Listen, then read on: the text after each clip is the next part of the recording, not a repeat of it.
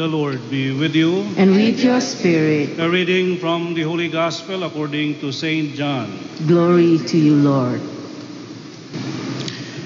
In the beginning was the Word, and the Word was with God, and the Word was God.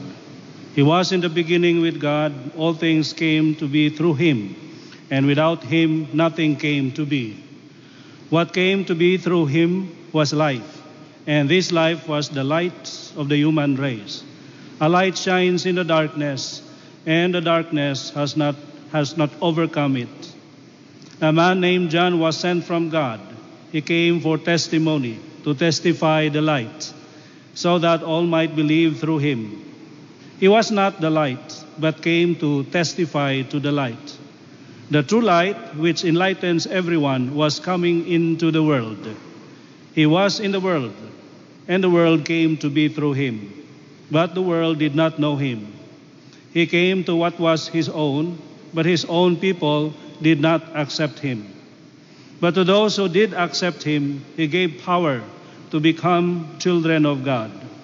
To those who believe in his name, who were born not by natural generation, nor by human choice, nor by man's decision, but of God. And the Word became flesh and made his dwelling among us. And we saw his glory, and the glory as of the Father's only Son, full of grace and truth. John testified to him and cried out, saying, This was he of whom I said, The one who is coming after me ranks ahead of me, because he existed before me. From his fullness we have all received grace in place of grace. Because while the law was given through Moses, grace and truth came through Jesus Christ. No one has ever seen God. The only Son of God, who is at the Father's side, has revealed him. The Gospel of the Lord. Praise to you, Lord Jesus Christ. Please be seated.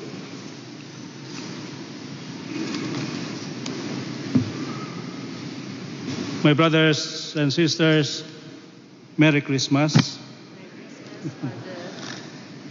so today is Christmas Day, and we celebrate with joy our Lord Jesus Christ coming to this world as man.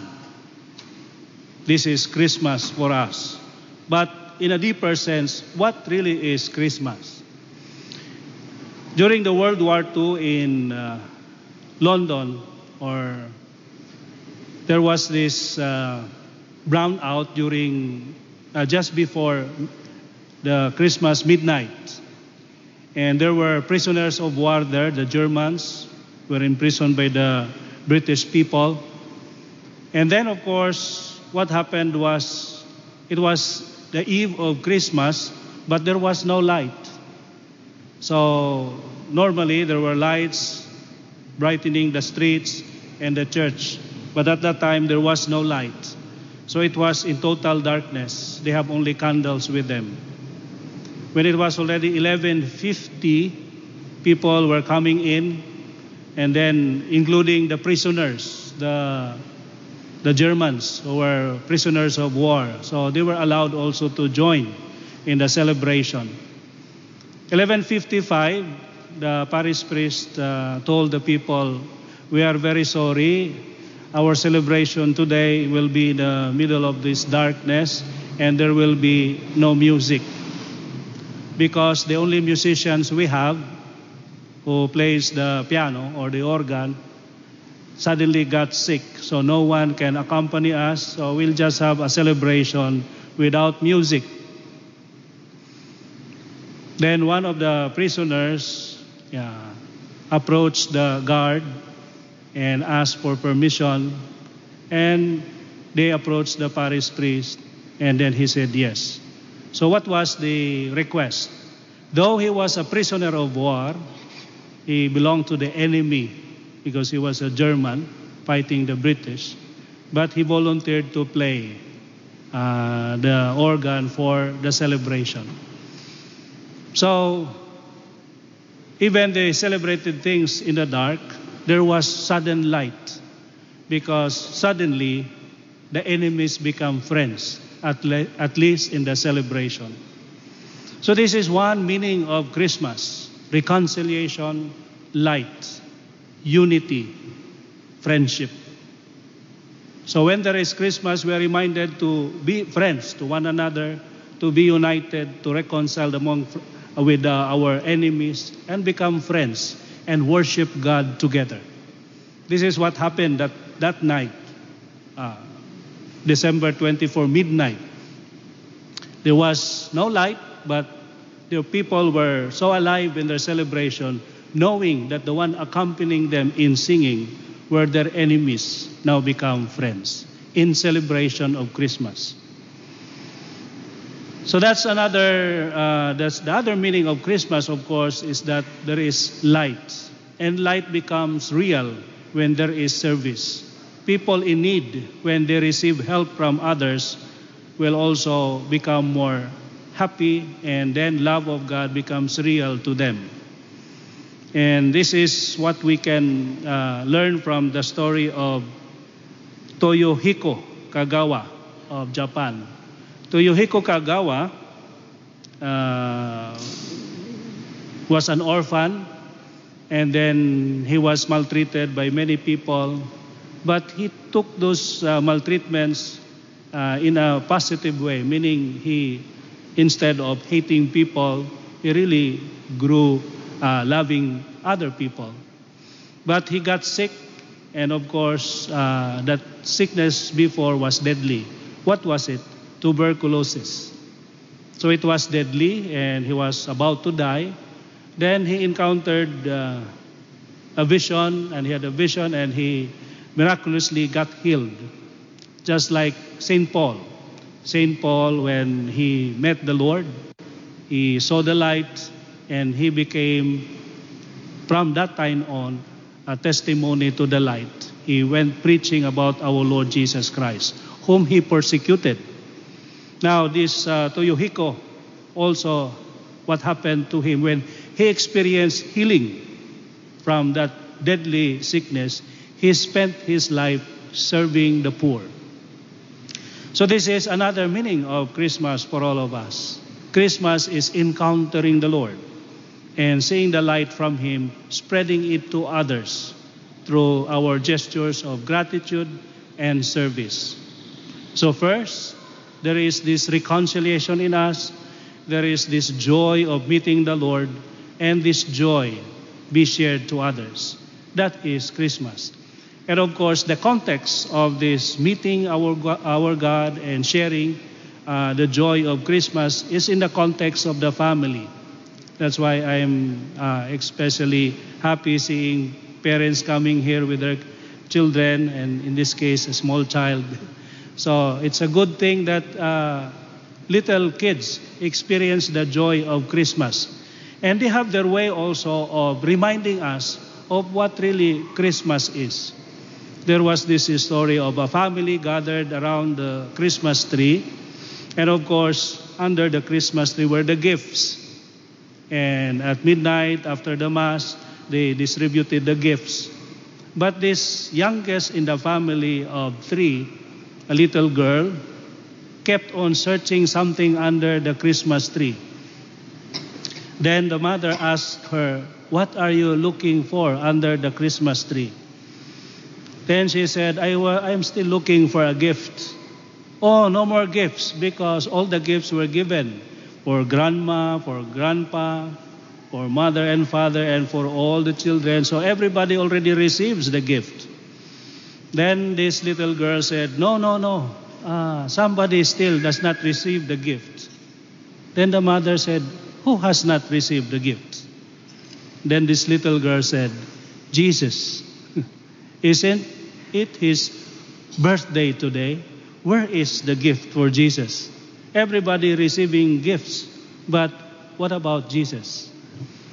Of course, that's the little girl's understanding that it was the birthday of the Lord, so he should be the center of the celebration. And that's a reminder for us. Of course, the girl did not really understand that the gifts, the exchanging of gifts, was only among them in the family. But she was also right that Christmas is about gift giving. And one who should really receive gifts is a Lord. So the question now, what gift do we bring to God during Christmas? Sometimes we are so busy uh, anticipating gifts from others or asking gifts. Just like this man on Christmas Day also, he got so frustrated because he was asking only for a new shoes. And then of course, he was not able to raise enough money to buy the shoes that he wanted to buy. So he was a bit upset or angry and complaining to the Lord why he could not get his wish of buying a new pair of shoes. Others, they have even new cars, new house, new clothes, many things new. Why could I not get my wish, which is a new pair of shoes? So he was angry and he left the church. When he went out, somebody greeted him, Merry Christmas, sir. But he could not return the greeting because he was still very much upset of the fact that he did not get his wish, a new pair of shoes. Then, when he was about to pass by that man, he stopped because he was angry, but this man was happy. And he was angry because he has not gotten his wish of having a new pair of shoes. But this man has a greater reason to be angry, to be upset. Why? Because this man is a beggar. And he is a beggar because he has no feet. He was angry, upset, disturbed because he did not get his wish of having a new pair of shoes. But this man is happy during Christmas because, yeah, perhaps as a beggar he received more blessings from people.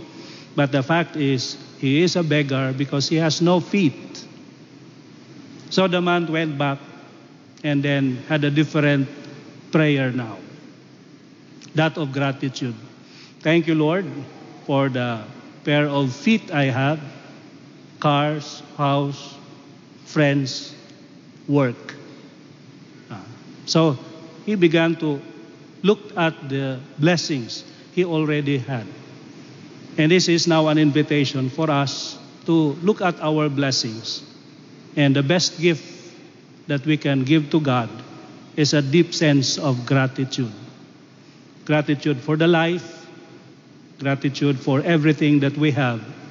And may this gratitude be expressed by sharing it to others and by serving others so that those in the dark may also see the light. That would be a true Christmas for that man and for everyone. Amen. 愿主与你们同在，也与你的心灵同在。共度圣如王福音。主愿光荣归于你。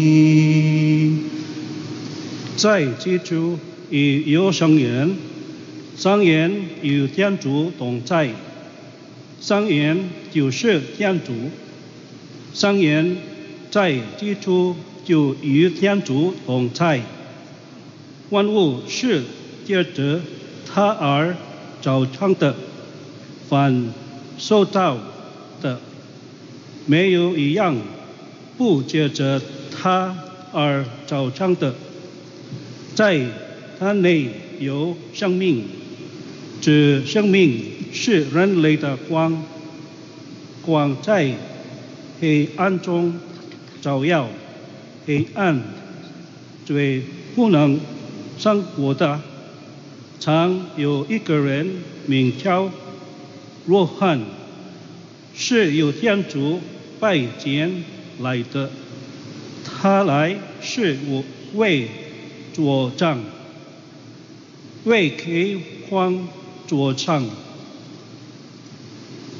为世中人借着他而信，他不是那光，只是为给那光作战，那不照每人的真光，正在进入这世界，他原来已经在这世界上，因为世界本是借着他造成的，但是人竟不认识他，他来到了这里的地方，这里的人最没有接受他，但是那些接受他的，及那些信他名字的人，他就赐给他们专利，成为天主的儿女。这些人祖上不是有罪迹，也不是有入狱或难狱，而是有天主生的。于是圣言成了人，住在我们当中，我们见了他的光荣，就是从父而来的独生者的光荣、满意、安忠和真理。当时罗汉为他作证，我汉说：“这一位就是我所读过的，在我以后来的那一位，长了在我以前的，因为他原来就嫌我二语，我们都反上了他帮忙的暗种，二节暗中上加暗中，因为法律世界美事两部的，但恩宠和真理最是由耶稣基督而来的，从来没有人见过天主，只有那些为天主在父怀里的独生子给我们讲述了。以上是天主的上训。基督，我们赞美你，请坐下。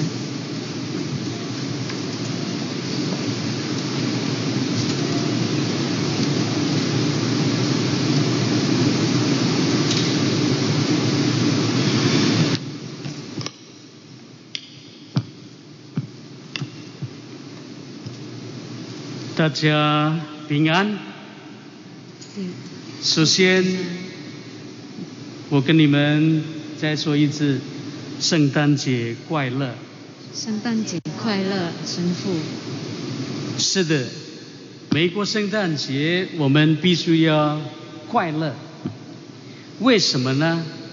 因为不像在复活节、圣诞节都是每一个人能够进去的，不断有没有相信耶稣，很多国家都进去圣诞节。比如说，假设这个时刻我们到百货公司啊，很多地方都是他们都放了一些圣诞树，或是一些有关跟圣诞节有关系的，或是假设你们比较有钱，你们去新加坡或是去日本，那地方也很多很多地方都好像每一个人都要庆祝圣诞节这样的感觉，甚至我们想不到的地方也庆祝了圣诞节，比如说在阿拉伯、卡塔尔，都是以前那个第九世界比赛的那个地方，他们也庆祝了圣诞节。不过他们的庆祝跟我们的庆祝有稍微很大的不一样。他们的庆祝都是生意的庆祝，做生意的希望能够借着今天的节日，能够吸引更多人花钱，花越多越好。我还记得我还在台湾的时候，在十二月二十五号早上或是上午十点做了儿童弥撒。我们把所有的孩子们，特别是在我们的幼儿园一级参加弥撒，那时候由我们的主教，我们的主教来主持感恩祭、圣诞节的弥撒、天悯弥撒。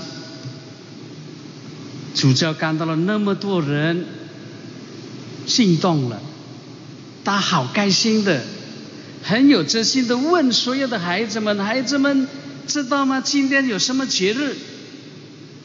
孩子们说：“我们都知道啊，什么节日？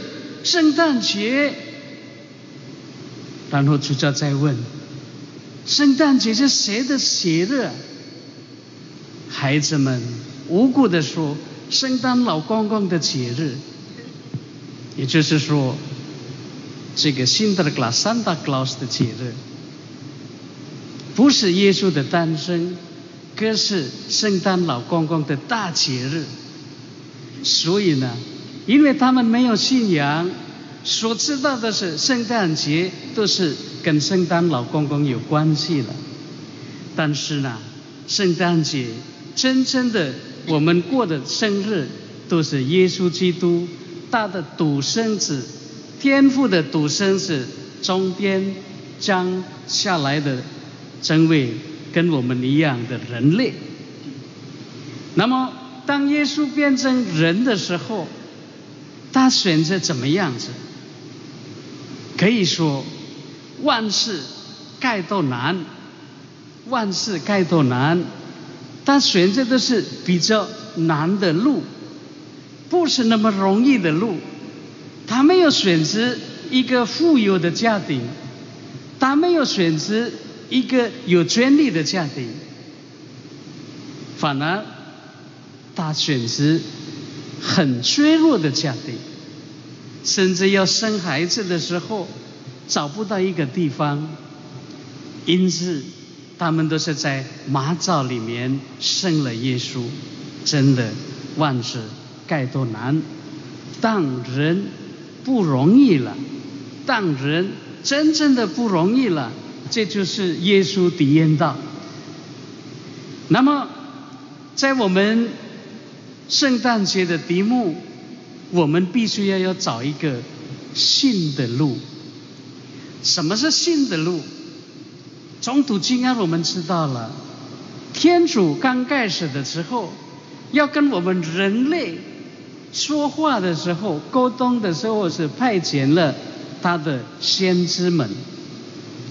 那么，信的路就是天主捐献了他自己的独生子，成为人类，跟我们在一起，让这个耶稣能够体验到人类的苦难。人类的挑战是在哪里？耶稣除了罪以外，跟我们人完全一样的，这就是新的路。我们呢，有信仰的人，也被一个挑战，找到了一个新的路来表达我们的信仰。这两年来，由于因为疫情的关系，我们都不容易聚在一起。现在我们可以了。当我们在可以的时候，我们想起来，我们的挑战是什么？可能我们已经习惯了在网络来参加弥撒。可能挑战是什么？我们的挑战可能都是我们的生活，并不是每一天都是那么容易，容易放弃，容易跟别人变成一个莫扎。容易跟别人变成有这个关系的问题，这就是我们的挑战。夫妻也有挑战，父母跟孩子也有他的挑战，神父跟他的教友也有挑战。在那么多挑战，我们的天主命令我们，给我们一个使命，找到一个新的路吧。找到一个新的方式吧，让你能够过你的生活，让你能够好好的过你的生活。所以各位，现在我们也要找到一个新的方式，好让我们面对二零二三年的时候有一个新的方向，有一个把握，我能度过这些困难，我能克服这些困难，我能面对这些困难、诱惑等等。为什么我们相信呢？因为有耶稣基督跟我们在一起，虽然挑战还是那么大，就可以说万事开头难，但是我们一开始，我们一努力，天主会给我们增加我们的力量。就天主在这个圣诞节。我们真正的有了耶稣在我们的心目当中，让我们能够很有活力的继续我们的人生。天主保佑。 The Lord be with you. And with your spirit. A reading from the Holy Gospel according to John. Glory to you, O Lord.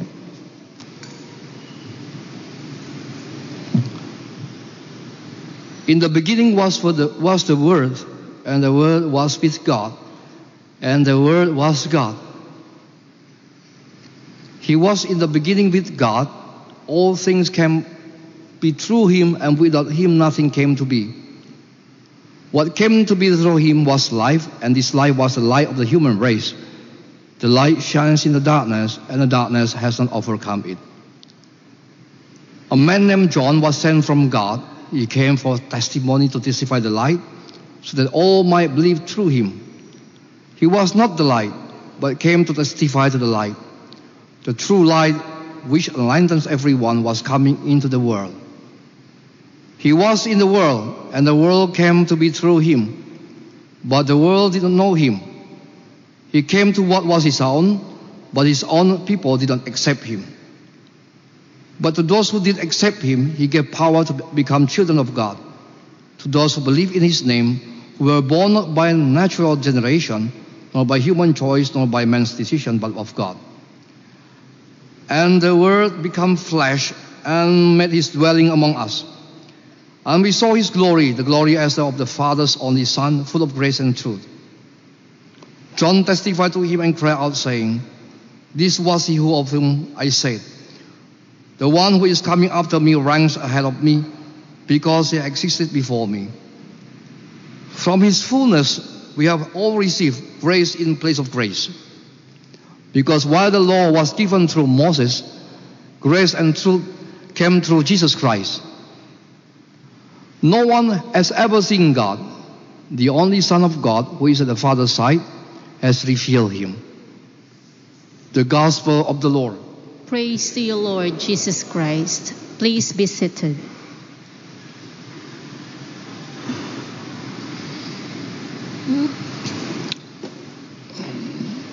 And having been warned in dream not to go back to Herod, they returned to the country by another route. This is the quotation from the Gospel of Matthew, chapter 2, verses 12.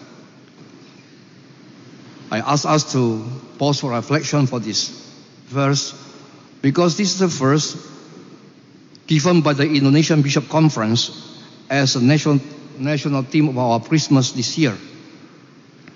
It, is, it talks about the three magi and the stars. Because we are actually living in Indonesia, whoever you are, so we are going to pause and reflect the theme proposed by the Indonesian Bishop Conference for our Christmas theme this year. As you see that in the story of Magi, the narratives set us four characters. The star, Magi, Jesus, and Herod. We see in the story the Bethlehem star is versus another star who misled none other than Herod. So there are two stars presented by the gospel. The real star, the Bethlehem star, and the deceiving star, who is none other than Herod. My brothers and sisters, we do always find Herods everywhere. You may name it false prophets, fake prophets, cheaters, tricky person, and whatever the name you can put on, on these kind of people. They are full of blood in their hands. The star, another star from Bethlehem star. Their interest is only one, or none other than themselves.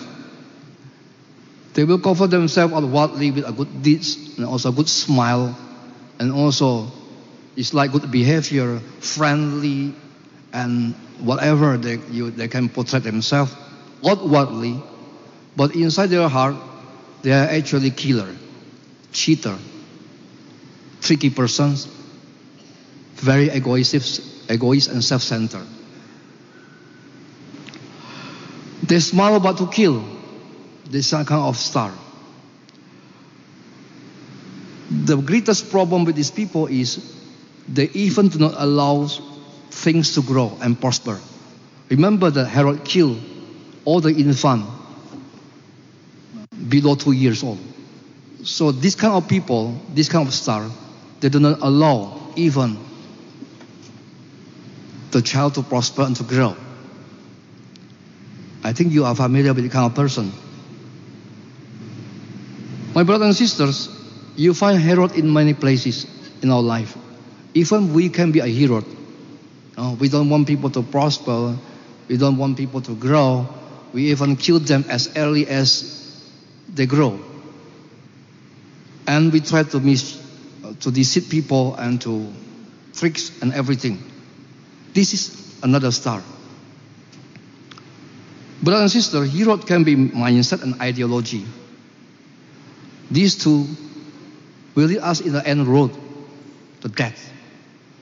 For example, our mindset, cultivated and harbored for years, can mislead us in fact into vanity and death.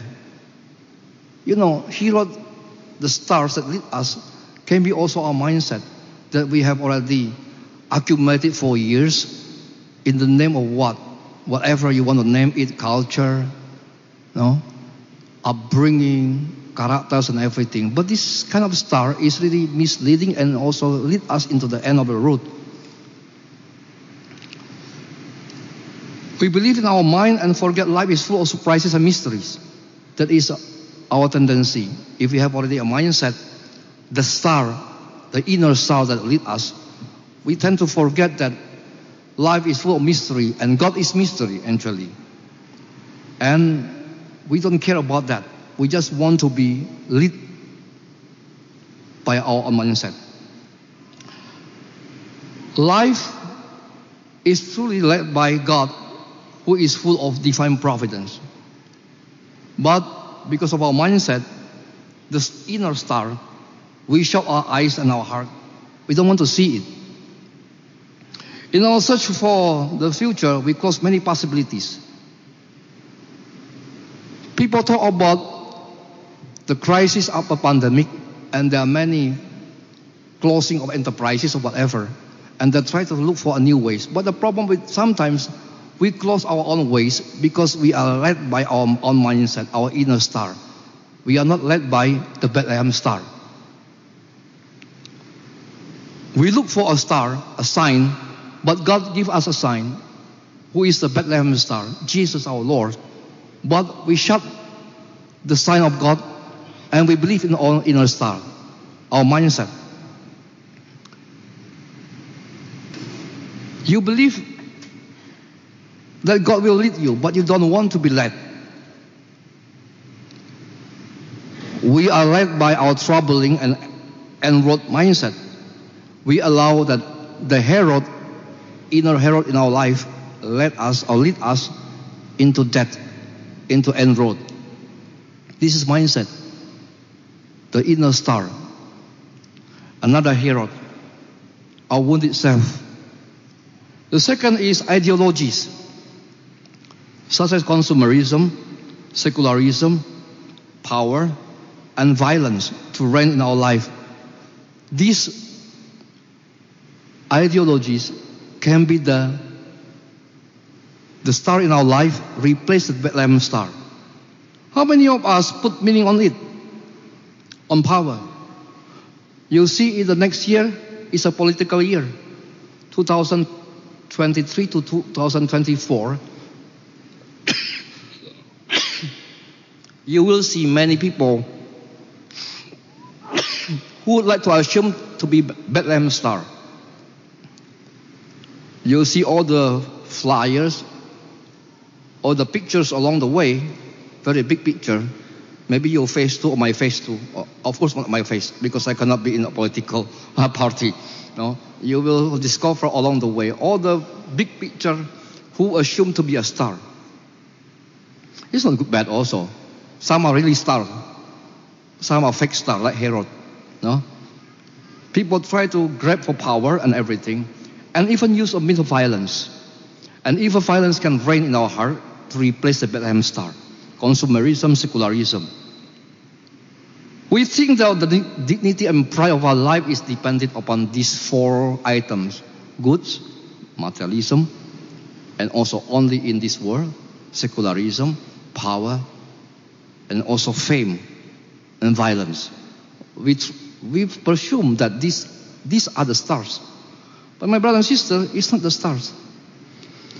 Our life and our pride is not rest upon it. Our pride and life really rest upon the Bethlehem star. If you want to be safe in this coming year, look at the star of Bethlehem. I know there are many people asking me, what will be the predictions of the next year? I'm sorry. I'm not a soothsayer. I'm not a seance. Okay, I'm sorry. Okay, you are wrong. You ask Jesus and look for the Bethlehem star. You're asking for prediction. There's no good prediction. All predictions fail many times. If you want to be living and really traveling well in the next year, look for the Bethlehem star. Because Herod is not the star. Herod is not the star. The real star which is lead us to Jesus, is the first star of faith. We have to look for the Bethlehem star, the star of faith. He is among us, according to the, the gospel today. He is among us. He is of our stock. It means He is same with us. We are fully immersed through the baptism into the life of Jesus. So the real star the real human being that we have to follow, the model, is Jesus, the light. The star is shining and maybe voicing out in our conscience the church and the teachers of faith. So follow them. Follow the Bethlehem star. All will lead to Jesus. If anything can be done, in the next year is rerouting the life. Sometimes detour, rerouting our life. It's like the three magi. They got the inspiration from the dream that God forbids them or forbade them to go back to the route they travel. And they are asked or they were asked to travel a new road, a new journey a reroute or detour. Maybe we are asked also the same, but the Bethlehem star, Jesus our Lord. Find it. Listen to it. We must empty and change our mindset, ideologies, what we believe, and replace it with the real star, the Bethlehem star. Actually, it's a call of conversion. This Christmas, according to the Bishop Conference letter, is a call to conversion, conversion. Rerouting, sometimes detour.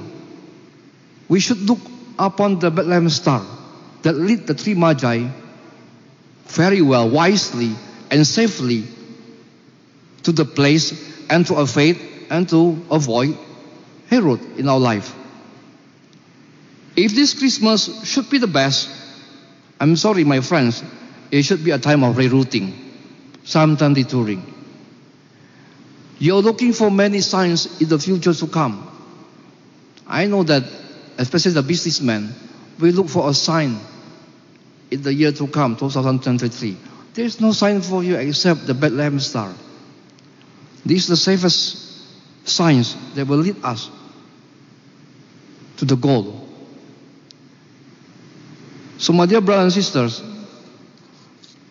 this Christmas will be beautiful and wonderful if we do a return, maybe detour, to follow the Christmas star, the Bethlehem star. The word is among us, it means that Jesus is one of our stock, is with us, and he knows of our life. So as the letter Hebrew say, we can approach the throne of mercy at due time to ask to ask everything, even mercy. So it's time to go back, return, or detour from our life to find and to see the sign again, the Bethlehem star. On behalf of the Rumah Santo Thomas Aquinas and also Rumah Santo Dominicus, I would like to express a Merry Christmas and joyful New Year to you. So you have a prosperous life to come because you follow the Bethlehem star. And may the Christmas this year will be a happy Christmas for you and for all of us. No? Or joyful Christmas. Christmas, we call it Yuletide, joy. So everybody should experience joy, but the real joy is from following the Bethlehem star. Tuhan bersamamu. Dan bersama rohmu Inilah Injil suci menurut Santo Lukas. dimuliakanlah Tuhan. Pada waktu itu Kaisar Agustus mengeluarkan suatu perintah menyuruh mendaftarkan semua orang di seluruh dunia. Inilah pendaftaran yang pertama kali diadakan sewaktu Kirenius menjadi gubernur di Syria. Karena itu pergilah semua orang mendaftarkan diri masing-masing di kotanya sendiri. Demikian juga Yusuf pergi dari kota Nazaret di Galilea ke Yudea, ke kota Daud yang bernama Bethlehem. Karena ia berasal dari keluarga dan keturunan Daud, supaya didaftarkan bersama-sama dengan Maria, tunangannya yang sedang mengandung. Ketika mereka berada di Bethlehem, tibalah waktunya bagi Maria untuk bersalin, dan ia melahirkan seorang anak laki-laki. Anaknya yang sulung. Lalu dibungkusnya anak itu dengan kain lampin dan dibaringkannya di dalam palungan. Karena tidak ada tempat bagi mereka di rumah penginapan. Di daerah itu ada gembala-gembala yang tinggal di padang, menjaga kawanan ternak mereka pada waktu malam. Lalu berdirilah seorang malaikat Tuhan di dekat mereka, dan kemuliaan Tuhan bersinar meliputi mereka, sehingga mereka sangat ketakutan. Kata malaikat itu kepada mereka, "Jangan takut, Sebab sesungguhnya aku memberitakan kepadamu kesukaan besar untuk seluruh bangsa. Hari ini telah lahir bagimu juru selamat, yaitu Kristus Tuhan di kota Daud. Inilah tandanya bagimu. Kamu akan menjumpai seorang bayi dibungkus dengan kain lampin dan terbaring di dalam palungan Tiba-tiba tampaklah bersama-sama dengan malaikat itu sejumlah besar bala tentara surga yang memuji Allah. Katanya, kemuliaan bagi Allah di tempat yang maha tinggi dan damai sejahtera di bumi di antara manusia yang berkenan kepadanya. Demikianlah sabda Tuhan. Terpujilah Kristus. Saudara-saudari sekalian terkasih dalam Kristus, malam hari ini adalah malam yang sangat indah dan kita semua bersuka cita karena Allah mau hadir bersama kita. Saya mau mengajak Anda untuk merenungkan tema bagaimana Allah mau menjadi sahabat buat kita semua. Pertama, mari kita melihat hati kita sebagai palungan Tuhan. Kedua, bagaimana kita mengalami Tuhan. Dan ketiga, bagaimana kita diubah oleh Tuhan. Pertama, mengenai hati kita sebagai palungan. Palungan itu apa sih? Palungan adalah tempat di mana Yesus dibaringkan. Tapi sebetulnya palungan itu sehari-hari gunanya buat apa? Mungkin kalau anak Surabaya, Anda besar di Surabaya, gak pernah lihat palungan itu apa. Saya lahir besar di Jakarta juga belum pernah melihat palungan. Tapi apa sih sebetulnya palungan? Palungan ini adalah tempat makan dari hewan-hewan piaraan. Makanya dikatakan Yesus yang dibaringkan di palungan ini tempat dilahirkannya di kandang atau di gua tempat hewan-hewan ini ditaruh kalau malam hari ya. Jadi palungan ini adalah hal yang sangat sederhana. Apa artinya buat kita? Di sini kita diingatkan bahwa sesederhana apa pun kita, serendah apa pun kita, selalu Tuhan bisa hadir dalam diri kita. Seringkali kita merasa dalam hidup kita ini begitu kecil, kita begitu rendah. Ada banyak orang yang merasa tidak aman dengan dirinya, insecure, selalu bandingin diri sama orang lain. Tuhan, bagaimana Engkau bisa hadir dalam hidupku? Bagaimana Engkau bisa memakai aku? Aku ini siapa sih? Coba kalau aku ini lebih cantik. Coba kalau aku ini lebih tinggi. Coba kalau aku ini lebih kuat. Coba kalau aku bisa belajar di universitas yang paling terkenal di Surabaya. Coba kalau aku bisa punya gelar yang tinggi. Ada banyak hal yang kita mau capai. Kita berpikir bahwa kita baru bisa menjadi merasa aman, baru bisa melakukan karya Tuhan. Tuhan baru bisa hadir dalam hati kita kalau kita punya banyak hal yang hebat. Syukur pada Tuhan. Hari ini kita diingatkan bahwa Tuhan Yesus dibaringkan di palungan. Hal yang sangat sederhana. Hal yang buat banyak orang dianggap rendah. Tapi ini menjadi tempat berbaringnya sang penebus yang luar biasa. Ada banyak orang juga yang merasa aku nggak pantas untuk Tuhan hadir dalam hidupku. Karena aku punya banyak dosa di masa lalu. Masa laluku begitu kelam dan aku bahkan malu dengan diriku sendiri. Tapi lihat bagaimana Yesus itu mengajak kita semua untuk datang kepadanya. Yesus katakan apa? Datanglah kepadaku, kamu semua yang letih lesu dan berbeban berat. Mungkin kita letih lesu dan berbeban berat karena kita merasa tidak aman dengan diri kita sendiri. Kita merasa kecil, merasa rendah. Apalagi sering membandingkan diri kita dengan orang lain. Kok aku banyak kurangnya ya? Tapi bukan hanya itu. Ada banyak orang jadi letih, lesu karena pikul beban. Beban dosa, beban masa lalu, malu dengan masa lalu. Tapi Anda lihat, Yesus begitu baik, begitu mencintai, bahkan mereka yang berdosa. Siapa yang jadi teman-temannya Yesus? Salah satunya adalah Sakeus. Sakeus adalah pemungut cukai, kepala pemungut cukai. Orang-orang panggil Sakeus buaya.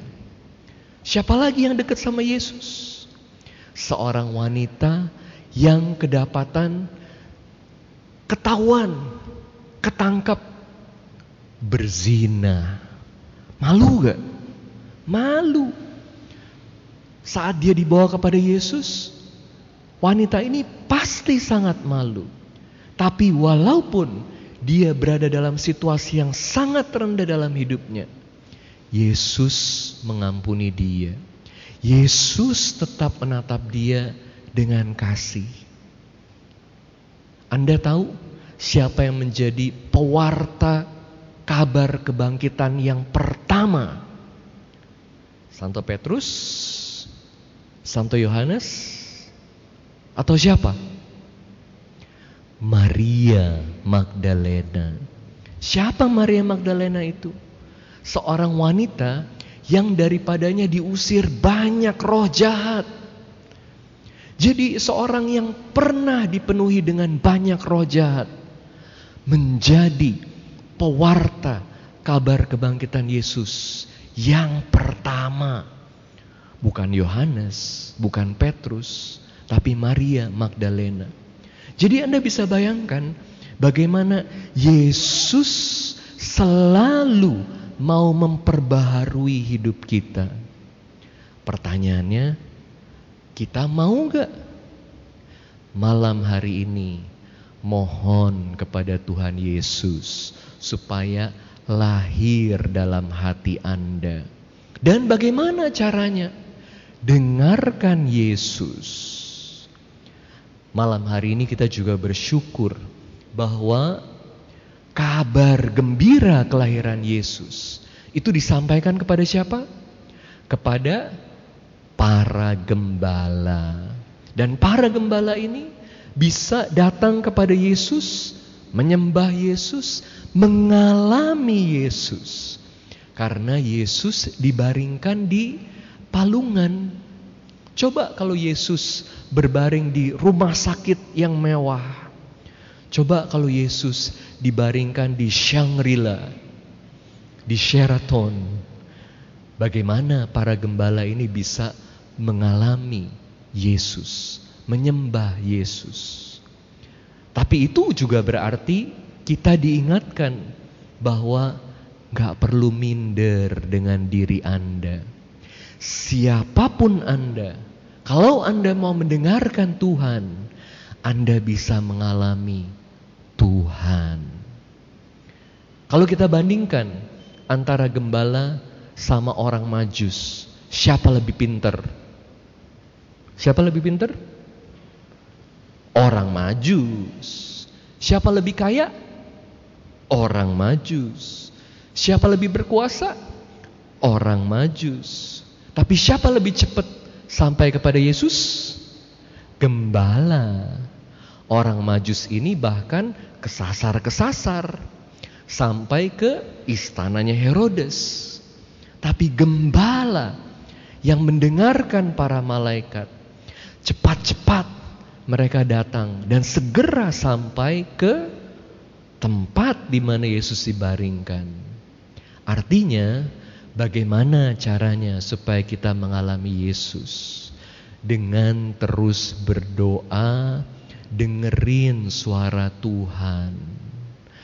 Bukan hanya dengerin apa yang kita mau saja, pikiran kita saja, Tentu penting mendengarkan pikiran kita, tapi juga sangat penting untuk selalu tanya sama Tuhan, Tuhan, apa yang aku mesti lakukan dalam hidupku supaya Engkau bisa hadir dalam hatiku, supaya aku bisa mengalami Engkau dalam hidupku dan diubah oleh Yesus. Kenapa Yesus ini lahir di palungan. Saat Yesus ditaruh di palungan, ini juga berarti Yesus meletakkan dirinya dalam posisi sebagai makanan, sumber hidup. Dan Yesus katakan apa? Aku adalah roti hidup. Aku adalah anak domba Allah yang dikorbankan. Jadi Yesus mengorbankan dirinya supaya kita semua bisa ikut serta di dalam pengorbanan Yesus dan kebangkitan Yesus. Anda mau gak diubah menjadi seperti Yesus? Mau gak? Mau menjadi seperti Yesus gak? Mau memberi hidup gak kepada banyak orang? Mau menjadi sumber terang? Mohon kepada Yesus untuk selalu diberi kekuatan supaya Yesus hari demi hari yang hadir dalam hidup Anda juga mentransformasi kita semua supaya jadi seperti Yesus. Satu hari ada satu wanita, dia ini sosiolog yang senang melayani orang-orang gak mampu. Namanya Maria. Maria datang ke satu panti asuhan. Tentu di panti asuhan ini kan anaknya kecil-kecil dan mereka nggak tahu siapa orang tua mereka. Ada banyak yang nggak tahu siapa orang tua mereka. Maria dan teman-temannya di ini terjadinya di Venezuela ya. Maria dan teman-temannya itu ajarin anak-anak kecil ini tentang kisah Natal. Wah, mereka senang sekali dengar kisah Natal. Lalu Maria dan teman-temannya minta supaya anak-anak kecil ini buat kandang Natal. Lalu ada figurnya, Bunda Maria, Santo Yosef, ada palungannya, ada bayi Yesus. Mereka dikasih kartonnya. Lalu dikasih juga selimutnya kecil, kain kecil buat jadi selimutnya Yesus. Lalu mereka juga dikasih tisu untuk digunting-gunting jadi jerami. Lalu kemudian Maria ini keliling lihat anak-anak ini lagi asik bikin kandang Natal. Dia temukan satu anak namanya Andrew. Di kandangnya Andrew itu sedikit beda. Karena di palungannya Andrew bukan hanya ada satu bayi, tapi ada dua bayi. Satu Yesus dan satu nggak tahu siapa. Jadi Si Maria tanya sama Andrew, Andrew, kok di sini ada dua bayi? Kenapa kamu taruh dua bayi? Andrew kemudian ceritain kisah Natal yang dia udah denger dari si Maria. Semua sama, dia ulang, tapi Andrew punya ending yang berbeda. Andrew bilang, Ibu, waktu saya taruh bayi Yesus di palungan itu, Tiba-tiba Yesus itu seolah-olah tatap mata saya. Dia tanya, jadi Andrew, habis ini kamu mau ke mana? Kamu tahu gak? Kamu akan istirahat di mana? Andrew saat itu tiba-tiba keluarin air mata. Dia bilang, saya nggak tahu saya harus ke mana. Karena saya nggak tahu siapa papa saya.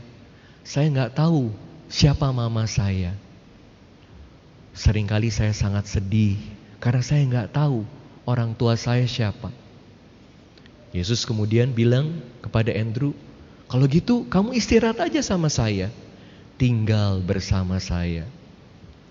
Andrew bilang, aduh, tapi saya nggak punya apa-apa yang saya bisa persembahkan buat kamu. Saya sangat kepengen tinggal bersama kamu. Nah tiba-tiba Andrew dapat pikiran, gimana kalau saya berikan kehangatan buat Yesus.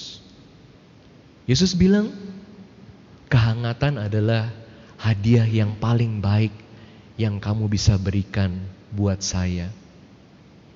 Langsung Andrew bilang, oke okay, kalau gitu saya mau tinggal bersama kamu. Jadi dia bikin satu figur lagi, dia taruh bersama Yesus.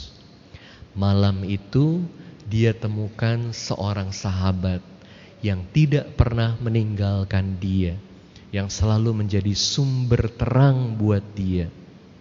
Dalam hidup sering kali kita berjalan dalam kegelapan, dalam ketakutan, dalam rasa minder, dalam rasa kecil, insecure. Tuhan Yesus mengundang kita supaya kita semua hadir bersama Yesus. Yesus hadir dalam hidup kita, sehingga kita menjadi pribadi-pribadi yang penuh dengan kepercayaan diri karena Yesus selalu menjadi terang kita. Menjadi pribadi yang confidence, confides, artinya dengan iman, dengan kepercayaan. Bukan karena kita hebat.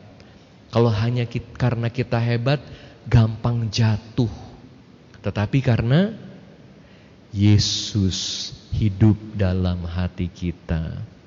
Malam hari ini mohon supaya Yesus sungguh hadir dalam hati kita, lahir dalam hidup kita, sehingga hidup kita sungguh menjadi hidup yang indah.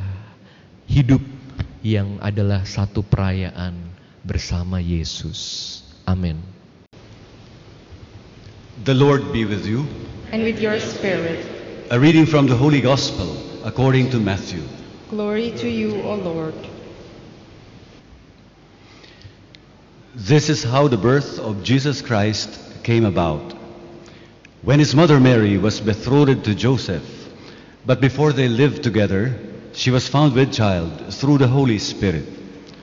Joseph, her husband, since he was a righteous man, yet unwilling to expose her to shame, decided to divorce her quietly. Such was his intention when, behold, the angel of the Lord appeared to him in a dream and said, Joseph, son of David, do not be afraid to take Mary, your wife, into your home, for it is through the Holy Spirit that this child has been conceived in her.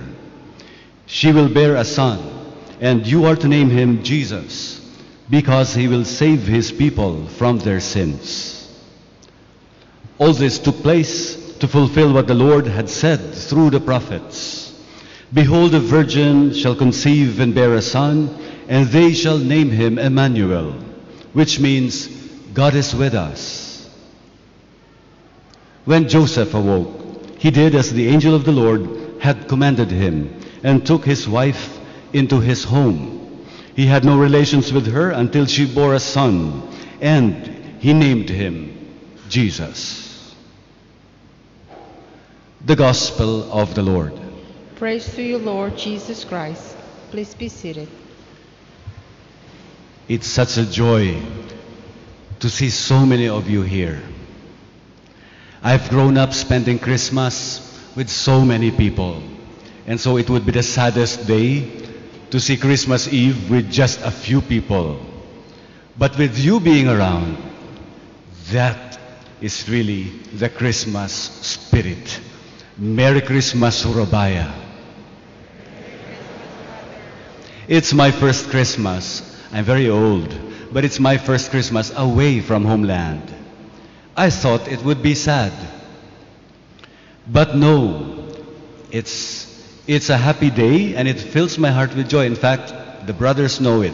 This morning, when they entered the prayer room for morning prayers, I had the glory to God in the highest already singing. It was actually an old mass composed in 1890, 1826 in the Philippines, one of the oldest masses we have in Latin. And I felt that the glory to God should already be sung as early as this morning. And this evening, looking at the choir, I was not prepared to have an orchestra here. Had I known, had I known, I would have practiced with them. So I did not practice with them, but just the same, I actually prepared something for you. Joy is meant to be shared, and for us, joy, when we are joyful, we sing.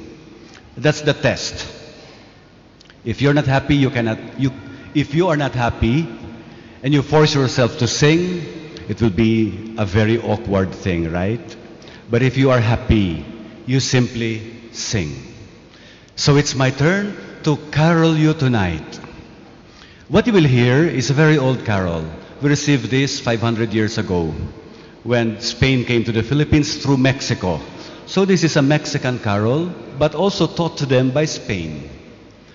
Don't worry, this is short. You will not suffer hearing me sing. And don't worry, I will translate up. Maybe I will translate now. The song says, the Virgin Mother is washing her clothes near the river. And she's hanging the, the swaddling clothes of Jesus by a rosemary tree. The little birds sing, and suddenly the rosemary tree blooms with flowers. That's the first line of the song. The refrain goes, The shepherds come, the shepherds arrive, and they adore the child on the crib because the child has already been born. The last paragraph says, The child is God. And one day, the child got lost. And they were all looking for the child. And you know where they found him? They found him near the river where his mother washed clothes. And they found him fishing. That's, that's the English translation. Here's the song. I am not like the tenor who sang this. So this is also classical music. So I beg your pardon if I do not sing it well. La Virgen lava pañales y los tiende en el romero y los parillos cantando y el romero floreciendo. Pastores venid, pastores legad, adorar niño, adorar al niño que ha nacido ya. El niño Dios se ha perdido y todos le están buscando a la orilla del río. Peces estaba pescando. Pastores venid, pastores legad, adorar al niño, adorar al niño que ha nacido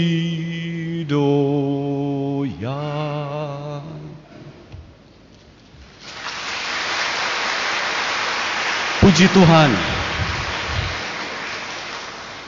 Praise the Lord.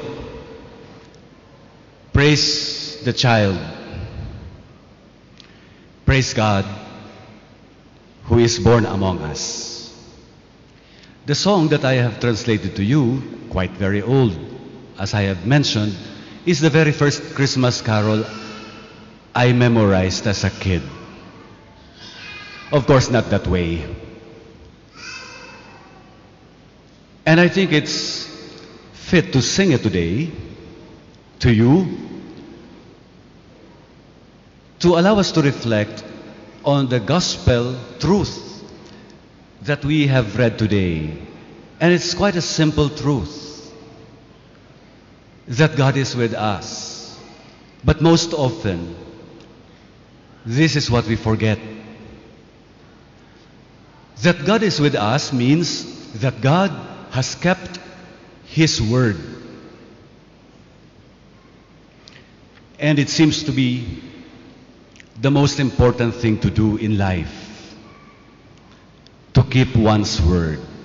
In Spanish, they have it like palabra de honor. Your word is your honor. And God demonstrates to us that great honor of His. He kept His word. The song also tells us something about everyday life. In fact, in a poetic way, it says so many things that are not in the gospel, like the washing of clothes by the river, the birds singing, the rosemary tree blossoming suddenly.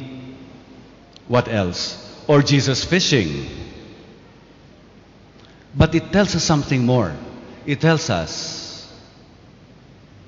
God, when He became man, assumed our life. He assumed our everyday life. Everyday life. Like going to the market, like washing clothes, like working, like fishing, earning a living. When God kept His word, and when He became just like us, He assumed our human nature, meaning to say, all these things that fill us with worries. And sometimes the same things of our everyday life make us forget our word. That is why we live in a world of broken promises. We live in a world of devalued words or even lies, fake news. And for that matter, commitment becomes quite impossible or almost an elusive dream. Why? Because if you don't keep your word, what about your promise? If we don't keep our words, what about the promises that we utter in marriage or in religious profession? If we forget our words, just like the way the world teaches us that these things are just words, then even love becomes an elusive dream. That is why so many are broken-hearted. That is why so many find life to be burdensome and even want to end life itself. You hear that even from people. Why do I have to keep on living if life as I have now has no meaning? That is the way with everyday life. If God did not keep His word, if God did not become like that child, then we will continue living just like the way we live every day. We will continue to, to be living as a people without hope. But that is not the way in our faith life. The responsorial psalm says, Sing to the Lord a new song, to that effect. I will sing to the Lord a new song. Why will I sing to the Lord? And why a new song? Because the way of the Lord is not the way of the world. The way of the Lord is He has fulfilled His word. And that itself fills us with wonder. How can God become a human being? When I was trying to listen to the Mass, to that uh, two century old Mass, to the Gloria of that, of that Mass, the lyrics become slower and slower at the words, and the Word was made flesh and dwelt among us. That Mass is intended for a Christmas vigil like this. And what we adore, what we worship, is that reality. God keeping His promise, the Word becoming man. And that is what we learn from today's Gospel. First, when God promises, He finds a way to make it fulfilled. Do you believe that? If somehow you find it so difficult to believe in, this is the truth of Christmas Day. And this is why we are here. Because in my life, I have experienced that God kept His word. Do you want to know how it came to be? Just very short. When I left my family to enter the Dominican order, we are not rich. The question of my father, also my question is, how about my family? How about my family? I'm going to leave them. I'm the eldest. There was no answer. Fast forward today. I think my family is very happy that I'm away. Oh, that's true. I'm not spoiled. But sometimes I'm too much for them. I want this and that. My brother and my sister succeeded in their careers. We have more than what we need. Thanks be to God. I was almost late because they wanted me to attend their party, at least by Zoom. I said, I cannot do that. I will say the Mass for you and, of course, for the people. I can testify before you today that when I left home and family, God gave me more than I asked for. I asked maybe only for one eighth. God gave more. How? I don't know. That's it. I don't know. You know. Because you will tell me, it's the blessings, Father. Of course it is. But the blessings came day after day, year by year. The blessings did not come all together. No. It was won by sweat and blood, by tears, by work. But just the same, God has kept His promise, and when He keeps His promise to you, you will not expect what He will do for you, for your life, for your family. That's what I can testify to you tonight. And that is what I pray that you accept in your hearts and in your homes. That when God promises you something, He will fulfill it. Or that when you part of something that you love, or that when God asks you to give up something that might be hurting to you when you give it up, God will not forget that. And God will repay you a thousandfold.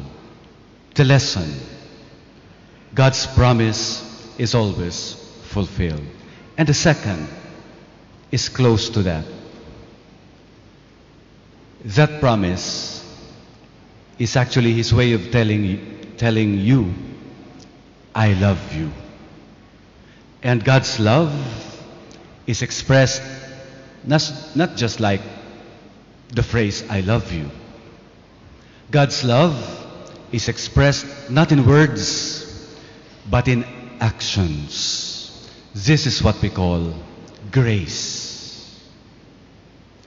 And that is why when something happens to you that actually you did not expect, when the blessings come your way, all these things that you have been praying for, more than what you can ever expect, there is a name for that. The name is grace. Brothers and sisters, this Christmas night, this is what we pray for ourselves and for each other. that we may be filled with the fulfillment of the promises of God, and that every day may be filled with grace. This is why, just to recall Advent, Advent, that season, prepared us to rejoice in this way. St. Paul is right in telling us, rejoice in the Lord always. I say it again, rejoice. Everyone should see how unselfish you are. That is why the penance of Lent is not just like the penance of the penance of Advent is not like the penance of Lent. This penance tells us to rejoice because if we don't, we might fall into the trap of selfishness. To rejoice means to see the gifts. To rejoice means to give gifts ourselves. Then we become unselfish. Then truly, when Christmas dawns on us, we will be found, as in the prayer, our hearts will be watchful in prayer, full of wonder and peace. Once again, Merry Christmas. Tuhan bersamamu.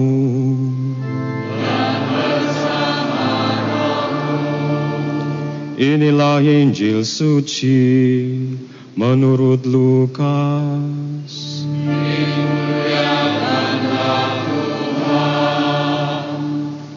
Pada waktu itu, Kaisar Agustus mengeluarkan suatu perintah, menyuruh mendaftarkan semua orang di seluruh dunia.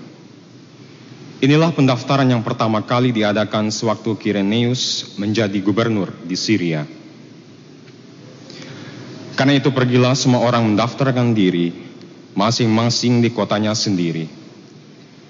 Demikian juga Yusuf pergi dari kota Nazaret di Galilea ke Yudea, ke kota Daud yang bernama Bethlehem, karena ia berasal dari keluarga dan keturunan Daud, supaya didaftarkan bersama-sama dengan Maria tunangannya yang sedang mengandung. Ketika mereka berada di Bethlehem, tibalah waktunya bagi Maria untuk bersalin, dan ia melahirkan seorang anak laki-laki, anaknya yang sulung. Lalu dibungkusnya anak itu dengan kain lampin dan dibaringkannya di dalam palungan, karena tidak ada tempat bagi mereka di rumah penginapan.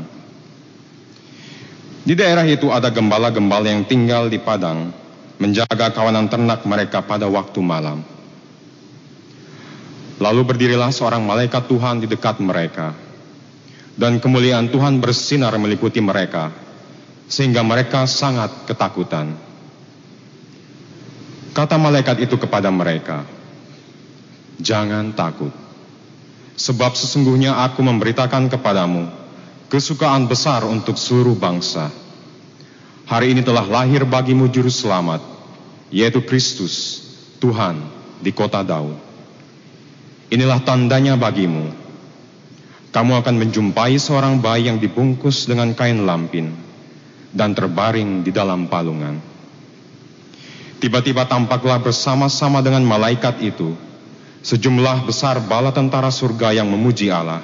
Katanya, kemuliaan bagi Allah di tempat yang maha tinggi dan damai sejahtera di bumi di antara manusia yang berkenan kepadanya. Demikianlah sabda Tuhan. Terpujilah Kristus.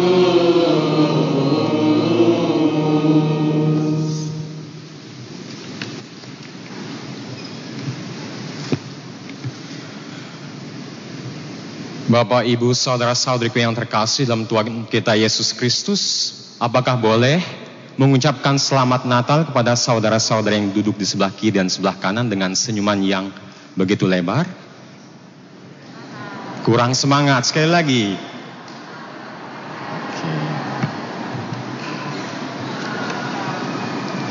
Puji Tuhan, hari ini, malam ini kita merayakan perayaan yang sudah kita nanti-nantikan.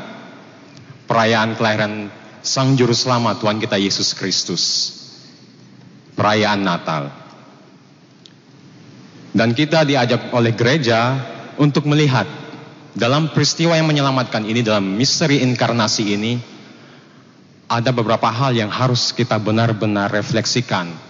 Harus benar-benar kita renungkan dan kita hayati. Dan kita mau dibantu oleh bacaan Injil pada malam hari ini. Dan juga dibantu lewat kandang Natal yang kita bisa lihat di depan kita.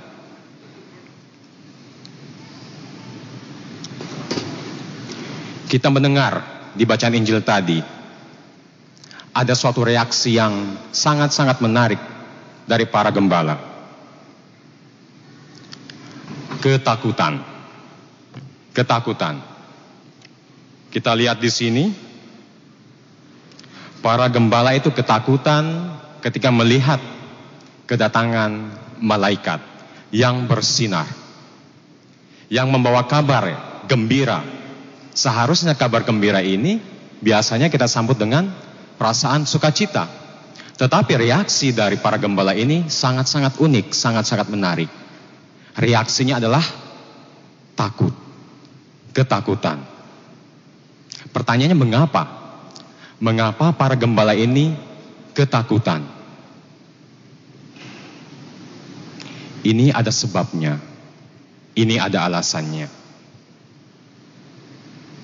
Kita ingat ketika Adam dan Hawa memetik dan memakan buah yang terlarang, mencoba untuk melampaui Allah, jatuh dalam dosa, jatuh dalam godaan setan, ingin tahu apa yang baik dan yang buruk, yang sebenarnya ini adalah pengetahuan dari Allah itu sendiri, tahu apa yang baik dan buruk, tapi Adam dan Hawa jatuh dalam dosa, tidak taat kepada Allah, tidak taat pada perintah Allah, apa yang dilakukan oleh Adam dan Hawa? Ada yang masih ingat? Mereka sem sembunyi. Adam dan Hawa sembunyi. Jadi tiba-tiba Adam dan Hawa takut untuk melihat wajah Allah. Tiba-tiba saja Adam dan Hawa melarikan diri dari Allah. Karena sebelumnya Allah bahkan berbincang-bincang secara langsung bertatap muka dengan Adam dan Hawa. Ini yang boleh kamu makan, ini boleh kamu namai, hewan-hewan ini kamu beri nama. Kamu boleh nikmati apa yang baru saja saya ciptakan. Allah dan manusia bertatap muka. Tapi karena kejatuhan, manusia sembunyi. Manusia tiba-tiba takut memandang Allah. Bukankah seperti itu kalau kita berdosa? Kita sembunyi kan? Sembunyi karena kita merasa bersalah. Takut supaya enggak dilihat oleh Allah. Dosa itu seperti itu. Kita semakin kerdil. Kita sembunyi. Kita takut. Dan mulai sejak itu, manusia berpikir bahwa Allah lah yang menjauh dari kita. Mulai dari kejatuhan itu, manusia mulai berpikir bahwa kita tidak boleh memandang wajah Allah. Mengapa? Apabila kita memandang wajah Allah, kita akan binasa. Nah, Bapak Ibu, saudara-saudari, kalau rajin membaca kitab suci, terutama di kitab Perjanjian Lama, ada cerita-cerita atau episode di mana ketika bangsa Israel ini memandang wajah Allah, apa yang terjadi kepada mereka? Plek. Binasa. Mati. Moses berkata kepada Allah, "Tunjukkanlah wajahmu kepada kami supaya kami bisa hidup." Tapi Allah berkata, "Apabila ada yang memandang wajahku, ia akan binasa." Dan kita ingat juga orang tuanya Samson ketika mendapat kabar penglihatan dari malaikat ketakutan. Kami sudah melihat Tuhan. Ketakutan, kami akan binasa. Nah makanya Bapak Ibu Saudara-saudari jangan heran reaksi Zakaria dan juga Maria ketakutan dan kebingungan, terutama Zakaria. Ketakutan ketika malaikat Gabriel menampakkan diri dan memberitakan kabar bahwa Elizabeth akan mengandung di masa tuanya. Ketakutan. Jadi itu reaksi dari bangsa Israel. Mulai dari kejatuhan, dosa asal, bahwa apabila melihat wajah Allah, kita akan binasa. Tetapi itu terus menjadi hasrat bangsa Israel, hasrat manusia. Tuhan, tunjukkanlah wajahmu supaya kami bisa diselamatkan. Namun dilemanya juga di situ. Allah punya dilema. Apabila Allah menunjukkan wajahnya, manusia akan binasa. Satu, manusia meminta supaya Allah menampakkan wajahnya supaya kita diselamatkan. Tetapi dilema Allah juga apabila Allah menunjukkan wajahnya kepada manusia, kita akan binasa. Terus solusinya apa? Solusinya ada di inkarnasi. Allah yang menjadi manusia. Allah yang menjadi daging. Inilah misteri keselamatan yang kita rayakan pada malam hari ini.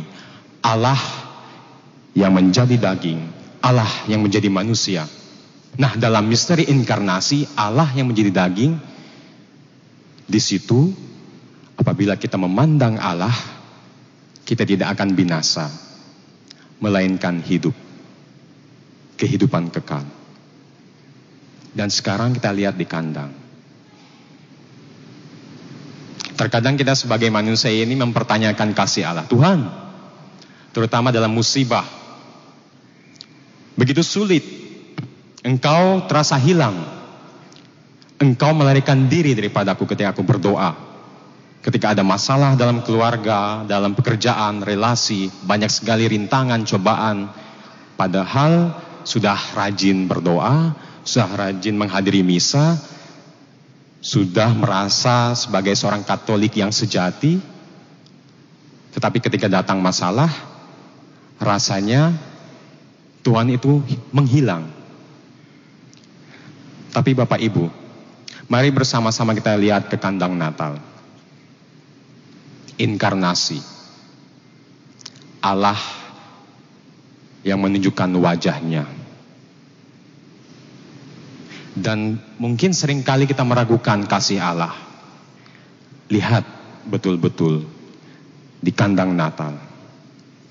Allah menunjukkan wajahnya sebagai seorang manusia dan bukan hanya seorang manusia, seorang bayi yang mungil. Jadi Allah betapa besar kasihnya supaya kita sebagai manusia tidak binasa ketika melihat wajahnya hadir bersama kita, Immanuel, dan tidak alang-alang sebagai seorang bayi yang lemah. Nah, ibu-ibu di sini mungkin ketika melihat bayi yang baru dilahirkan anak-anaknya itu perasaannya gimana? Sukacita kan? Kita itu kalau melihat bayi itu yang lucu, yang imut itu kan perasaannya pasti senang kan? Ih lucunya gitu. Ih imutnya gitu.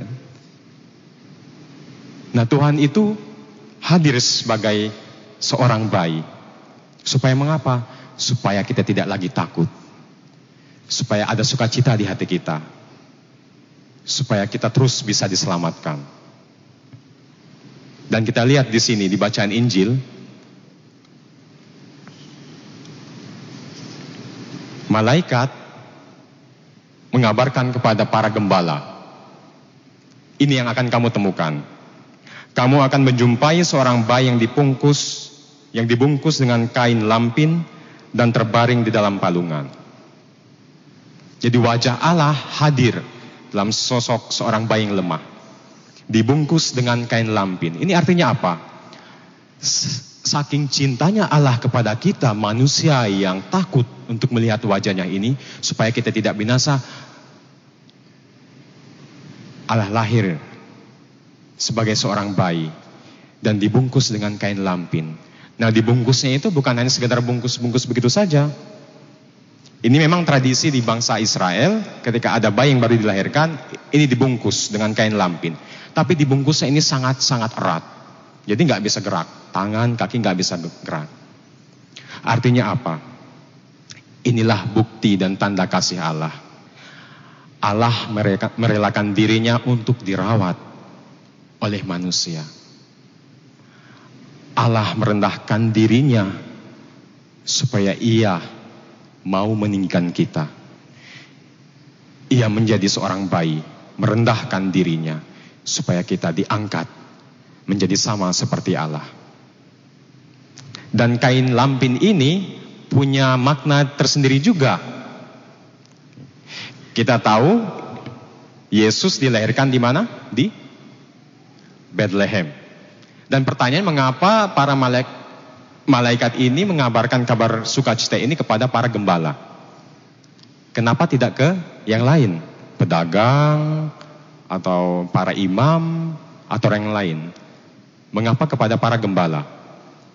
Jadi kita tahu Bethlehem itu ternyata tempat kawanan ternak. Oke, kawanan ternak.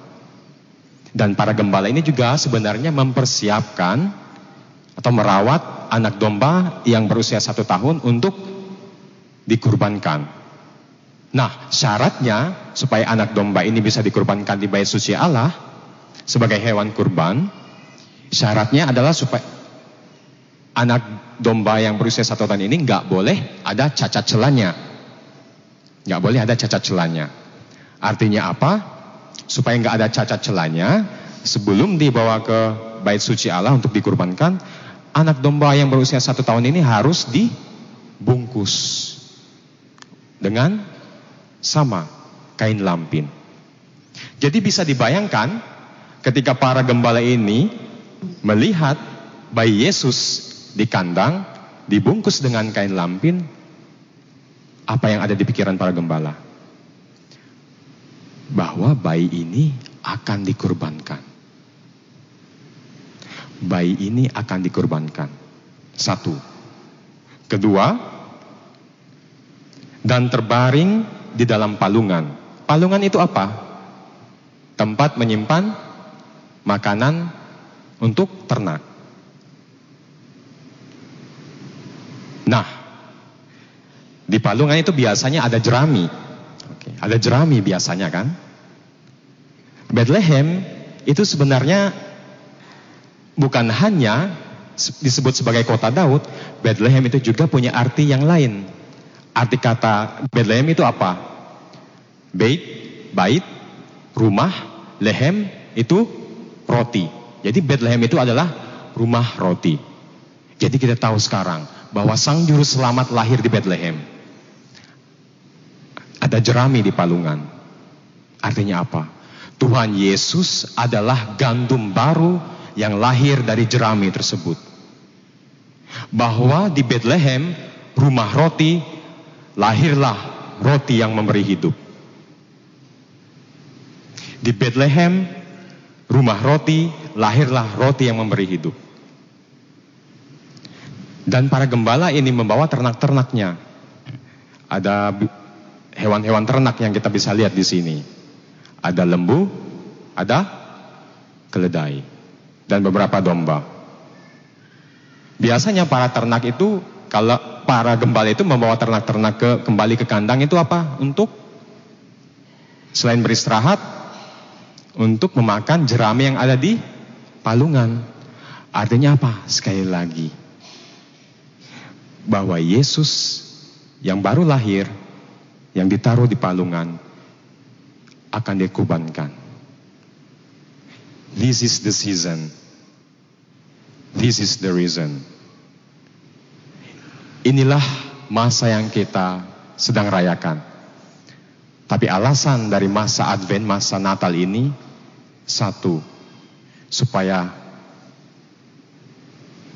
sabda yang sudah menjadi daging menyelamatkan kita. Lingkaran Advent tujuannya adalah supaya ada lingkaran duri. Allah menjadi manusia, lahir dan diletakkan di palungan menjadi gandum baru yang memberi hidup. Satu alasannya supaya kita diselamatkan. Dan di sini kita di, mendengar juga di Bethlehem tempat penginapan tempat penginapan kosong.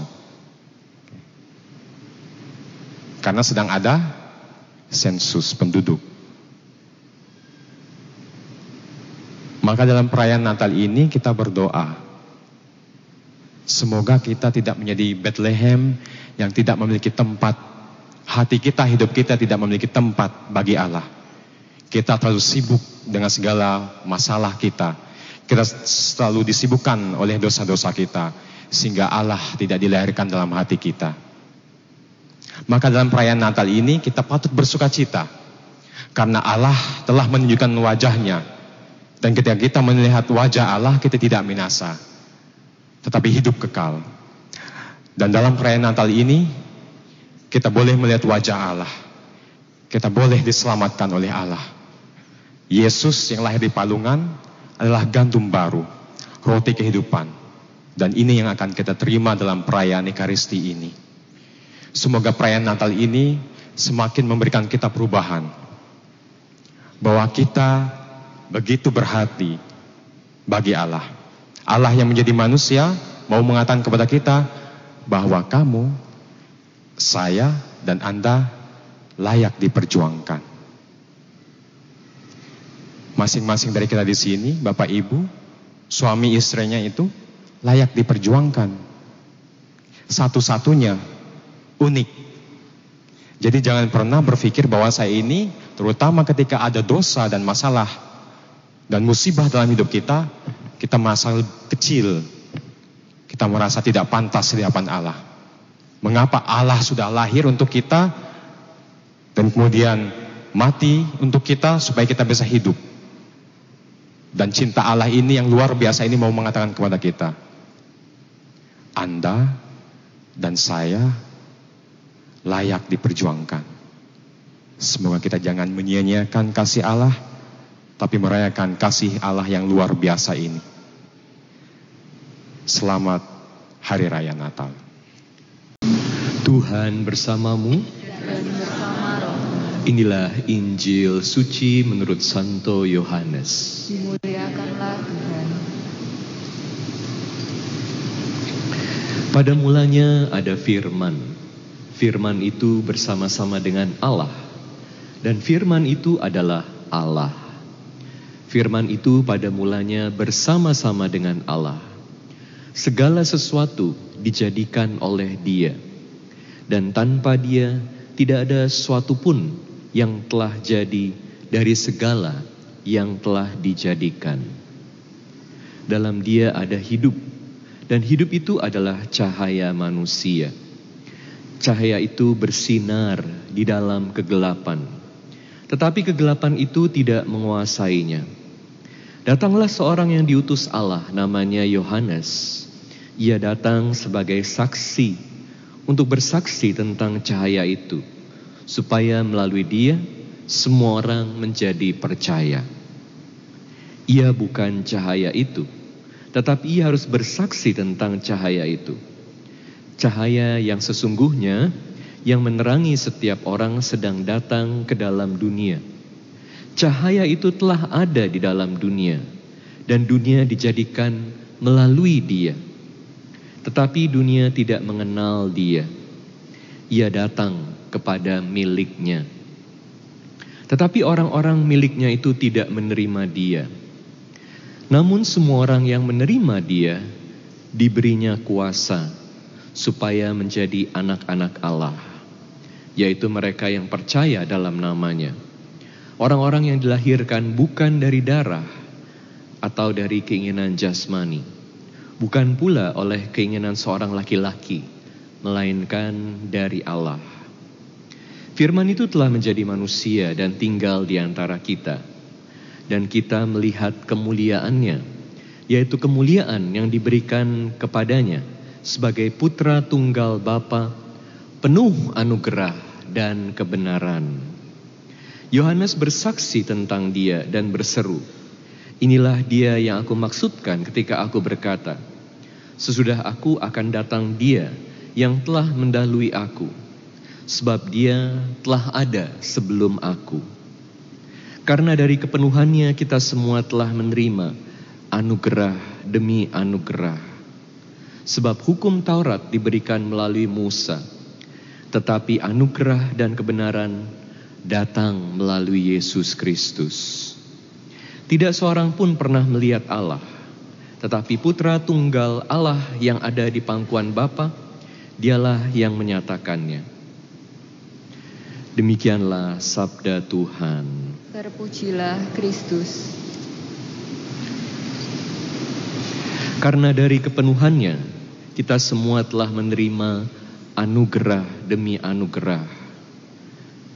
Anugerah dan kebenaran datang melalui Yesus Kristus. Saudara-saudari sekalian terkasih dalam Kristus, selamat Natal. Gimana rasanya Natal tahun 2022 ini? Apakah Anda dipenuhi dengan sukacita? Puji Tuhan, Yesus lahir di dunia. Yesus lahir dalam hati kita. Dan kita semua diundang untuk hidup dalam sukacita Kristus. Kalau kita mendengarkan bacaan Injil sore hari ini berbeda dari bacaan Injil semalam. Bacaan Injil semalam ini bercerita tentang Yesus yang dibaringkan di palungan. Bagaimana Yesus dilahirkan. Bacaan Injil hari ini yang ditulis oleh pengarang Injil Santo Yohanes berbicara tentang firman, berbicara tentang cahaya, berbicara tentang kebenaran, berbicara tentang anugerah. Jadi kita melihat dalam Injil hari ini ada berbagai konsep yang tidak mudah sering kali untuk kita pahami. Tetapi kita perlu mencoba untuk memahaminya sehingga makna Natal semakin menjadi jelas buat kita. Saya akan mencoba menerangkan sedikit lebih jauh. Pertama, saya mau mengajak Anda untuk melihat bagaimana Yesus adalah Sang Firman. Apa artinya? Sebagai Sang Firman, Yesus membawa terang. Yang kedua, dan ketiga, terang ini menjadi anugerah dan kebenaran yang memperbarui hidup kita, yang membuat hidup kita jadi indah. Pertama, mari kita lihat apa artinya Yesus adalah Sang Firman. Kan dikatakan kan, ini adalah ayat yang sangat terkenal dalam Injil Yohanes, Yohanes 1 ayat 1 firman itu bersama-sama dengan Allah dan firman itu adalah Allah. Segala sesuatu dijadikan oleh Dia. Apa artinya? Firman atau sabda ini kan berarti kan perkataan Allah. Sama seperti kita manusia, saat kita berkata, yang kita katakan itu ada dalam pikiran kita. Dengan kata lain, firman Allah ini menunjuk kepada kebenaran. Kebenaran yang ada di dalam pikiran Allah, kebenaran yang kemudian disampaikan dalam kata-kata dan ketika Allah bersabda. Kita ingat dalam kitab Kejadian, terjadilah terang, terjadilah tumbuh-tumbuhan, terjadilah manusia saat Allah bersabda, kita ada. Kita manusia diciptakan karena kita ada di dalam rencana Allah dan perkataan Allah. Jadi ketika kita berbicara tentang Yesus sebagai Sang Firman, Sang Sabda, kita berbicara tentang kebenaran. Aduh Romo, tambah susah aja. Semoga Anda bisa mengikuti pelan-pelan bersama saya. Jadi kenapa kebenaran itu penting? Apa artinya kebenaran? Dan manusia perlu hidup dalam kebenaran. Kebenaran itu apa sih? Kebenaran adalah kesamaan antara realitas dan pikiran. Saya ulang. Kebenaran adalah kesamaan antara realitas dan pikiran. Jadi kita sebagai manusia sangat penting untuk hidup dalam kebenaran. Dengan kebenaran. Karena kebenaran ini adalah landasan dari berbagai tindakan kita. Kalau kita pergi ke dokter, apa yang pertama kita cari tahu? Apa yang pertama dokter cari tahu? Dokter akan cari tahu kebenaran penyakit ini apa. Dokter akan periksa badan si pasien dengan stetoskop, dengan tensinya, lalu ada dialog untuk tahu kebenaran tubuh ini sebenarnya apa sih sakitnya, realitasnya apa. Kalau nggak tahu realitasnya, bagaimana bisa bertindak dengan baik? Pernah gak Anda pergi ke dokter, belum diajak ngomong, belum ditensi, belum diperiksa temperaturnya, tahu-tahu dia udah ambil pisau, pisau bedah. Ini jantungnya ada masalah. Anda kabur gak? Kabur. Kenapa? Karena dokter ini belum tahu kebenarannya apa, kok udah mau ambil tindakan. Sama halnya dengan kita dalam hidup. Dalam hidup kita sehari-hari untuk berbagai tindakan, untuk semua hal yang kita lakukan, kita perlu tahu kebenarannya. Realitasnya itu bagaimana supaya kita bisa menanggapi dengan baik. Dan realitas dalam hidup itu bukan hanya sekedar apa yang kita bisa lihat, apa yang kita bisa dengar. Karena hidup itu begitu besar. Dan di dalam hidup itu juga ada misteri yang akal budi kita ini gak bisa jangkau. Misalnya, siapa itu Allah? Atau dalam peristiwa Natal, kita melihat Allah yang menjadi manusia. Bagaimana di dalam diri Yesus? Yesus adalah Allah dan sekaligus Yesus adalah manusia. Ini bukan hal yang mudah untuk kita pahami, tetapi Allah menyingkapkan misteri ilahinya itu kepada manusia.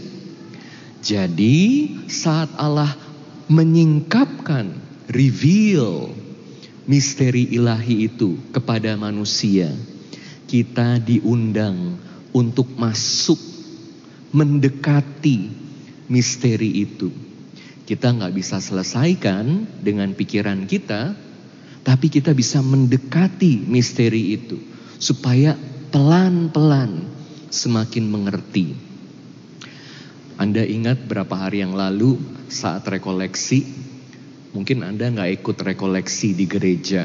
Father Seto itu tanya, dia cerita, ada seorang suster datang kepada seorang romo.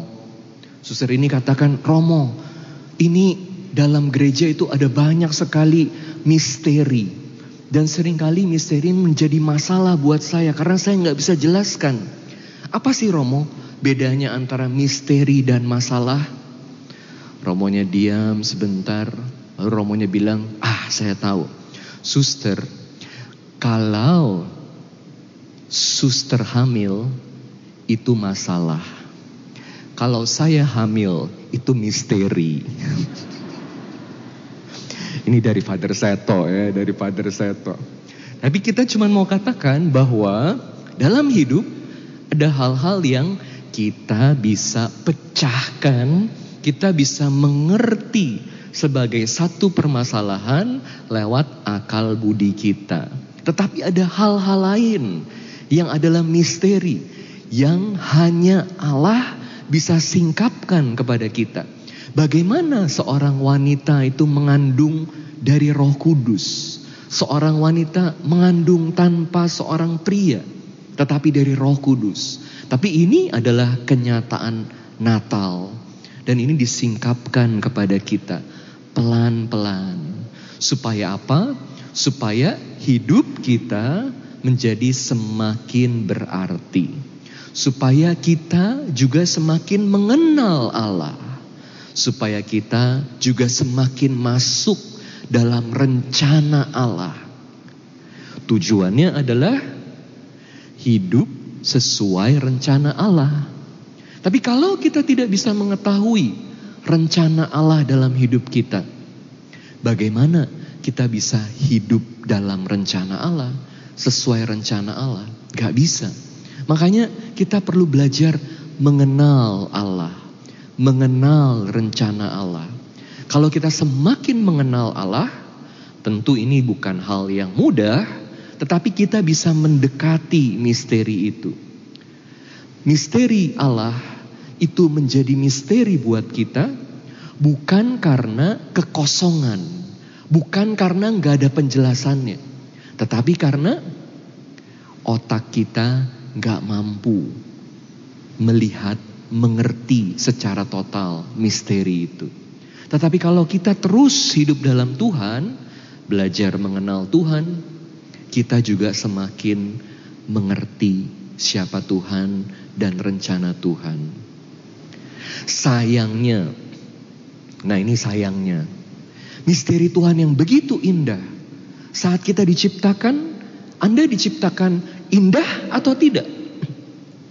Anda diciptakan indah adanya. Kita semua diciptakan segambar, secitra dengan Allah. Tapi kita jatuh dalam dosa. Jadi kita harus selalu ingat bahwa kita ini semua begitu indah. Indah. Manusia diciptakan dalam rahmat. Manusia bukan diciptakan dalam dosa. Rahmat itu lebih fundamental dari dosa. Dan kita semua diundang untuk kembali pada hidup yang indah itu bukan hidup dalam dosa. Tetapi karena kita jatuh dalam dosa dan sering kali kita terus-menerus melakukan dosa karena buat banyak orang dosa itu enak. Gak tahu bahwa jauh lebih indah, lebih berarti hidup dalam Tuhan. Karena terus-menerus hidup dalam dosa, jadinya matanya semakin tidak bisa mengerti Allah. Yang ada dalam pikirannya terus-menerus dosa. Tapi Anda lihat enaknya dosa itu cuma sebentar. Betul kan?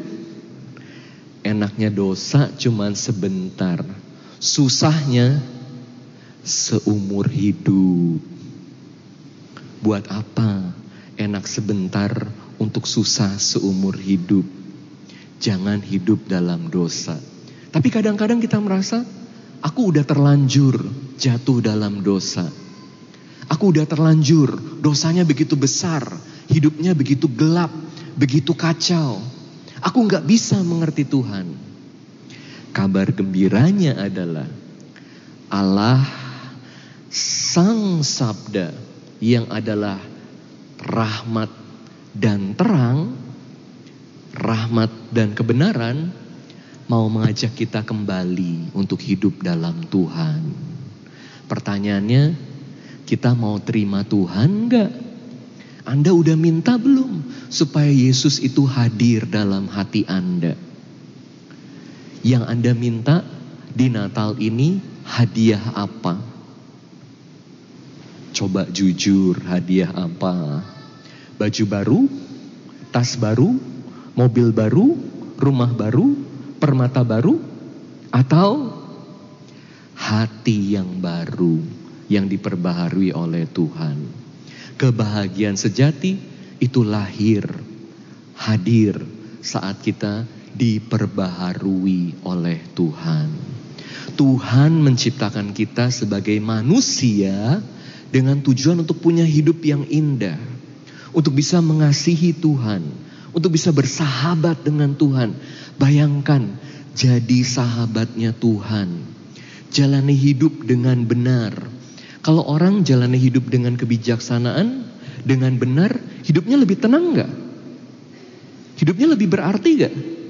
Hidupnya lebih indah gak? Coba jalani.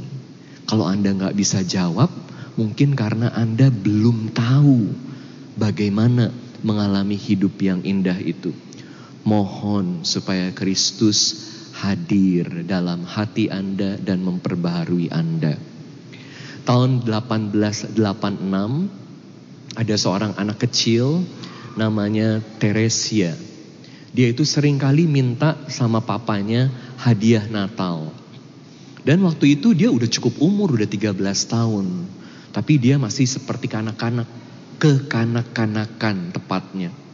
Jadi dia udah gantung sepatu itu di tempat deket uh, apa namanya tungku api pemanas supaya papanya kasih hadiah, taruh hadiah. Malam itu papanya pulang capek, tapi dia taruh hadiah di situ. Cuman papanya kesel. Ini si Teresia kapan ya bisa jadi dewasa. Dia itu seperti anak kecil terus, minta hadiah terus. Ini akan jadi tahun yang terakhir. Eh Teresia itu denger itu. Karena dia lagi mau naik tangga, dia denger papanya ngomong. Jadi waktu dia dengar papanya ngomong, dia sangat kecewa. Kakak perempuannya juga denger. Dan karena kakaknya tahu ini Teresia ini anaknya suka ngambek. Suka nangis, kekanak-kanakan. Kakaknya langsung bilangin Teresia, eh kamu jangan nangis ya. Kamu jangan nangis. Udah langsung aja naik ke kamar. Tapi entah kenapa saat itu Teresia memutuskan untuk turun dan dia ambil sepatunya itu, ambil hadiahnya, buka hadiahnya dan dia sangat dipenuhi dengan sukacita. Saat itu Teresia bersikap dengan sangat dewasa. Kakaknya sampai heran, kok bisa Teresia begitu? Apa ini hanya pura-pura? Teresia kecil ini jadi Santa Teresia dari kanak-kanak Yesus. Dan dia tulis dalam buku diarinya, diarinya, buku hariannya, peristiwa Natal tahun 1886 itu menjadi salah satu tonggak sejarah dalam hidupnya saat dia berumur 13 tahun di mana dia menerima hadiah yang paling besar, hadiah Natal yang paling penting. Bukan baju baru, bukan tas baru, bukan sepatu baru, tapi hati yang baru. Semoga Yesus yang adalah terang dan rahmat Tuhan sungguh hadir dalam hati Anda untuk memberikan hadiah yang paling indah, hati yang baru di Natal 2022. Selamat Natal. Amin.